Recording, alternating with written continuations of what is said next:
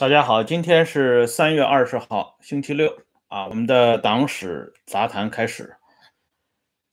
前几天啊，我们一直关注的是由玉罗克事件引出来的啊，关于这个高干子弟以及高干子弟背后的这些大树们的政治上的互动。那么今天呢，我们要把这话题呢重新带回到上个世纪六十年代后期到七十年代中期的这一场一打三反运动当中来，因为这场运动啊，对于今天的很多人来讲已经淡忘了，或者根本是陌生的。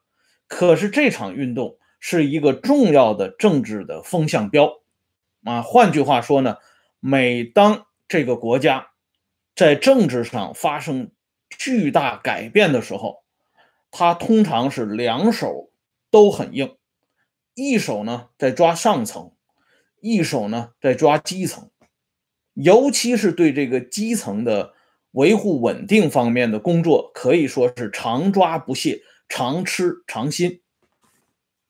啊，这个一打三反运动呢，就是最典型的例子。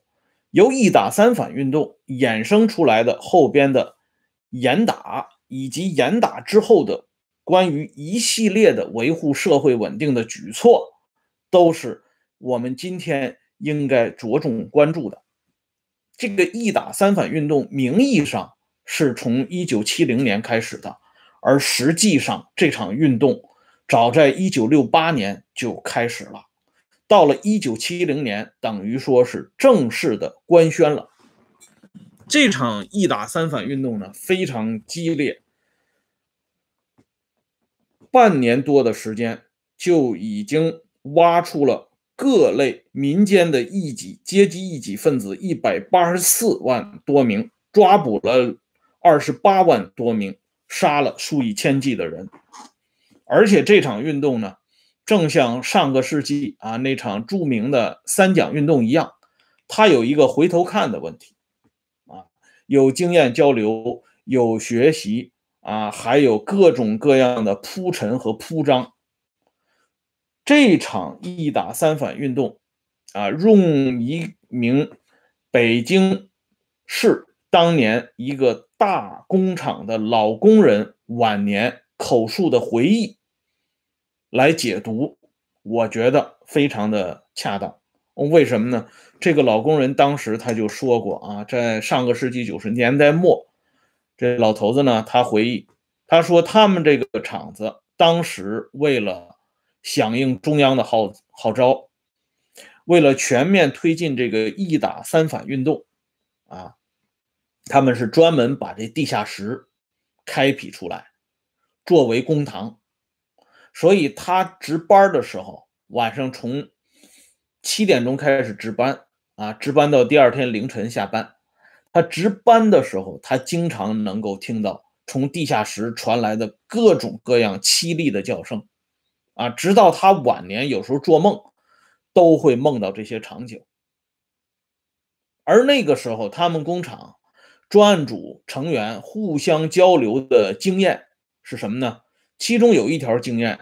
让他觉得啊特别的恐惧，就是说打人的时候呢，用普通的皮带不行啊，普通的皮带即使是蘸了凉水啊，这个威力也不够厉害，要用那种专门有钉子啊镶在上边的皮带，所以这种皮带打到人身上以后呢，马上就出现一排血窟窿啊。这个专案组成员在交流经验的时候，特别把这种皮带。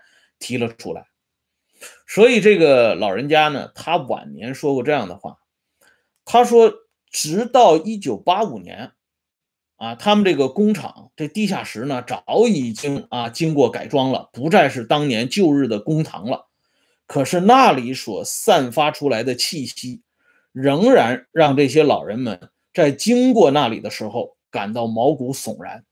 以至于呢，后来他们这个地下室就被彻底的报废了，不能使用了。啊，当然他还讲了一些啊相关的一些灵异事件啊，就用我们今天的话讲，有点迷信的概念。这里呢，我就不给大家重复了。总之呢，这个一打三反运动在当时啊，留给普通人的记忆是非常之深刻的。而在一打三反运动当中，周恩来的形象是需要我们格外关注的。一打三反运动的起始时间就是一九六八年出现一打三反运动，一直延续到一九七四年年底结束。而这个时间段开始的时间段呢，正是周恩来接任中央专案审查委员会主任，结束的时间呢，正好是批林、批孔、批周公的时候。换句话说，从一九六八年到一九七四年，正是周恩来在文革当中掌权的阶段，这个一打三反运动浮出水面。看来呢，这个应该不是偶然的。不过呢，在官方修订的周恩来年谱当中，大家想要看到这方面的蛛丝马迹，那可是太难了。这里呢，我给大家展示的周恩来年谱。两个关键的时间点，大家要注意看一下。为什么挑出来一九七零年三月二十七号这一天周恩来的活动内容呢？因为正是在一九七零年三月二十七号，中共中央发出关于清查五一六反革命集团阴谋集团的通知。在整个一打三反运动当中，清查五一六。和抓五一六分子是重中之重，啊，这件大事儿让毛泽东和周恩来暂时又联起手来，啊，最高首长直接下命令，周恩来直接主抓。然而，就在一九七零年三月二十七号这一天，周恩来年谱的记载当中，我们却看不到一丁点儿有关。清查五一六的苗头啊，大家看一下这个年谱，它一个呢是跟啊大军区这些领导们呢进行会面，抓的是有关大军区还有啊边疆这方面的工作，同时呢，他还有一个与外宾会面的这么一个场景。跟清查五一六一点关系都没有。那么到了一九七一年，接下来第二年份，一九七一年二月八号，又发生了一件大事那就是中共中央正式做出关于建立五一六专案联合小组的决定，毛泽东批示，照办。啊，这就是说，五一六这个事情呢，已经上升到专案审查，啊，不仅可以直接抓人、审人，甚至呢可以直接杀人。可是就在这一天呢，一九七一年二月八号，周恩来年谱当中记载，只是周恩来在公安工作会议上的一个讲话，啊，对未来的公安工作的一个指示。晚上呢。对北京市内的治安情况进行了一个巡视，也看不到任何关于清查五一六这方面的内容。但是，咱们说很多的秘密，或者说很多的痕迹，还是隐藏在这些公开史料当中。我们还是来看一下周恩来年谱，一九七零年二月十九号这一天的记载。周恩来在这一天转发了一个重要的东西。周恩来将谢富治、温玉成、吴德这三个人当时在北京是响当当的实权人物啊。谢富治的职务就不用介绍了，温玉成是副总参谋长兼北京卫戍区司令员，吴德。啊，是仅次于谢富治的，在北京市革命委员会里边的第二号人物。那么，他们三个人在二月十八号关于北京外国语学院深挖五一六反革命分子不利的报告，由周恩来转交到毛泽东的手中。周恩来并且专门做了说明，啊，要求深挖五一六反革命阴谋集团分子。当然，周也不忘了。来一句话，就是防止扩大化但既然要深挖扩大化是必然的，所以这种话呢，用老百姓的话讲，只能是片汤的话。姑且啊，不论周恩来的这些话如何如何，我们仅看这个时间点。刚才我给大家列举了，是一九七零年三月二十七号，中央正式啊下发大抓五一六阴谋集团。而在二月十九号的时候，周已经转发了谢富治等人的报告，这至少说明在深挖五一六这件事情上，中央早在。向外界公开宣布之前，就已经着了先鞭。另外一个回忆就是吴德本人的回忆，就更清楚了。一九七零年三月二十七号，正是中央对外正式宣布的时候，周恩来找吴德谈话，说伟大领袖指定吴德同志担任五一六的办公小组的组长。而公安部的另外一位风云人物啊，从沈阳军区调到北京的李振，也是后来担任公安部部长的李振呢，做吴德的副手。那么，我们通过吴德的这个回忆，也就更加进一步的看到了为什么官方史料在清查五一六这个问题上替周恩来遮掩的幕后的一些小小的细节。啊，他们不想让大家看到的，可能才是大家最想看到的。不过呢，咱们说遮掩的还远远不够啊。吴德的回忆、周恩来的年谱当中的旁证，都向我们展示了这么一幅复杂的画卷。而这个画卷的主角、主角之一，就是咱们的恩来同志。尽管呢，这个清查五一六的这个事情呢，表面上看起来与咱们的恩来同志无关，但实质的内容却息息相关。正是在伟大领袖的部署之下，在恩来同志的直接主抓之下，一打三反运动轰轰烈烈的开展了。而在整个一打三反运动当中，有一个最为突出的案件。也是今年很啊，就是现在啊，很多人还能够记得的张志新案件出现了。这个张志新案件呢，最早啊，在一九七零年上半年的时候，辽宁省盘锦市革命委员会人民保卫组啊，这说白了呢，就是个处级单位。他呢就正式判处张志新死刑。到了一打三反运动全面展开以后，由于上级要求各级地方党政军主要官员要把这件事情当成头等大事来抓，所以呢，辽宁省的地方当局的第一号人物陈锡联把这个案子呢接了过去。陈锡联批示，判处无期徒刑。留下人头，啊，所以呢，在一九七零年八月二十号，张志新呢又被改判为无期徒刑。但是呢，这个事情没有完，因为接下来事情又发生了新的变化。当初啊，毛泽东同毛远新之间有过那么一番。亲切的谈话，伟大领袖在告诫自己的晚辈：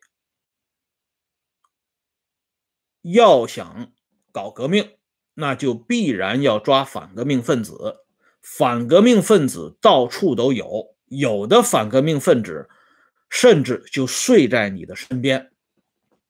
所以这毛远新呢，就把这话记得牢牢的。张志新。出现在辽宁，就相当于睡在毛远新身边的反革命分子。这张志新当时的主要言论，主要言论就是两条：一条呢是要表达自己有一个权利，啊，就是说对关系到党和国家前途命运的这些事情呢，党员哪怕是普通党员，也是有权利、有义务啊，对他呢进行指出、进行提出，这是忠于党的表现。但是张志新忘了一点啊，忘了一点是什么呢？就是谁来界定这些内容是否合法啊？就像我们今天看到《人民日报》啊，有一个重要的提示，他说：“任何人都无权剥夺中国人民追求幸福的权利。”这个话说的非常对，但是呢，具体解读起来，大家就要首先搞清楚一点。那就是谁才是人民，谁才能全权的代表人民啊？正如伟大领袖当年所说的：“谁是革命的朋友，谁是革命的啊敌人？”这是革命的首要问题啊！的原话大意如此啊，不是一个字不差的。哎，所以呢，张志新的错误。或者说，他当时之所以被抓起来，就因为他没搞清楚谁才是人民，谁才能代表人民。更麻烦的是呢，张志新当时居然敢对伟大领袖进行评价，认为伟大领袖呢在社会主义革命时期和社会主义建设时期表现的不够好啊。只强调了不断革命这方面的理论，而忽视了革命这种啊革命的这种渐进的啊发展的阶段啊，所以呢，伟大领袖在这一时间段里，特别是在所谓的三年困难时期，他的问题呢就显得特别的突出。正是由于张志新啊这些出格的言论。和完全搞不清楚啊，自己应该是处在一个什么样的地位上发言，导致了张志新被当成头号阶级异己分子来进行抓捕。而那个时候呢，大家注意看一下这张搜查证，这是由辽宁省公安机关军管会签发的搜查证。这是张志新一九六九年八月份被捕的时候出示的这个搜查证。那个时候呢，对张志新一开始啊，尽管知道他有这些反动言论，不过在审理这个案子的时候，相当一部分人认为他无非就是动动嘴而已，他没有真正的实行反革命的措施，所以对这样的人呢，抓起来肯定是正确的。但就是判几年就可以了，关一段时间，让他吃点苦头，知道一下无产阶级专政铁拳是什么概念。可是呢，就在这个时候，毛远新出现了。这里呢，要给大家顺便讲一下，当时辽宁省啊，以及沈阳军区，就是高层人物的一个重要的人事变动。在那个时候呢。辽宁省乃至整个东北地区的第一把手，自然是陈锡联。陈锡联以沈阳军区的第一把手，兼任辽宁省委第一书记和省革命委员会主任。陈锡联之后呢，是另外一位中将曾少山。啊，这个沈阳军区呢，曾经出现过三位姓曾的中将。曾国华、曾思玉和曾少山，其中呢，曾国华和曾思玉都曾经与林彪案件有瓜葛啊。其中有一位姓曾的这位中将呢，后来还被确认为上了林彪的贼船，以至于受到审查。即便死后呢，也是降格处理。那曾少山呢？是红四方面军出身，在文化大革命当中，红四方面军是普遍上扬啊，行情看涨，所以他与陈锡联之间合作搭班子是上级的有意安排。陈锡联到一九七三年离开东北，啊，调到北京工作，曾少山接替陈锡联，啊，担任党政军主要负责人。而那个时候呢，毛远新在一开始只是啊，从一九七一年的时候，他只是恢复成立的中共辽宁省委的副书记。到陈锡联调走之后，啊，毛远新呢也水涨船高，成为辽宁省委书记。当然，当时有好几名书记啊，不止毛远新一人。而在一九六八年的时候，毛远新就已经成为。新生力量的主要代表机构辽宁省革命委员会的副主任了。省革委会啊，在省委恢复办公之前是大权独揽啊，这是唯一的权力机构。这省革委会包办一切，所以毛远新实际上在一九六八年全面开展清理阶级队伍、一打三反运动的时候，在辽宁省乃至东北地区。那都是响当当的人物，可以说是一言九鼎。因此，在一打三反运动进入到高潮阶段，特别是陈锡联调离东北地区之后，毛远新的话语权已经越来越大。曾少山也好，李伯秋也罢，他们呢名义上是毛远新的上级，但实际上为毛远新马首是瞻。啊，必须要听毛远新的招呼。即使啊，陈锡联在东北地区的时候，对毛远新也是要礼让三分的。而就在这个阶段，对张志新的处理又发生了新的变化。最早呢，源自于辽宁省公安局的一名法医啊，因为文化大革命当中呢，把省厅。这个称号呢，给取消了，一律称为局啊，所以原辽宁省公安厅就变成了辽宁省公安局。这个公安局的这个法医呢，提出了一个非常严峻的话题啊，就是说有些反革命分子在被处决的时候，他们经常高呼口号，有的人甚至啊，像这个一九四九年以前那些革命烈士一样。啊，喊党万岁啊，喊主席万岁呀，反革命气焰非常嚣张。啊，对付这样一批人呢，实际上就应该事前啊对他们进行处理，让他们喊不出这些口号来。啊，这里呢就涉及到剥夺这个人死前呼唤的权利。那具体说呢，就是把他身体的某一部分内容呢直接删除。啊，这就是大家都知道的割喉。这个提出呢是最早这么提出的，而这个创意呢得到了当时的实权人物毛远新的赞同。毛远新他们认为啊，这是捍卫毛泽东思想的一个重要的积极的表现，必须要予以采纳。而这件事情呢，首先啊就放在了。非常突出的反革命阶级异己分子张志新等人身上啊，因为当时呢，不只是张志新一个人受到这种待遇，还有人也受到这个待遇，只是张志新这个案子呢，非常的突出。那么事情呢，到了一九七五年，对于张志新的终审判决，又发生了一个新的变化。这个新的变化。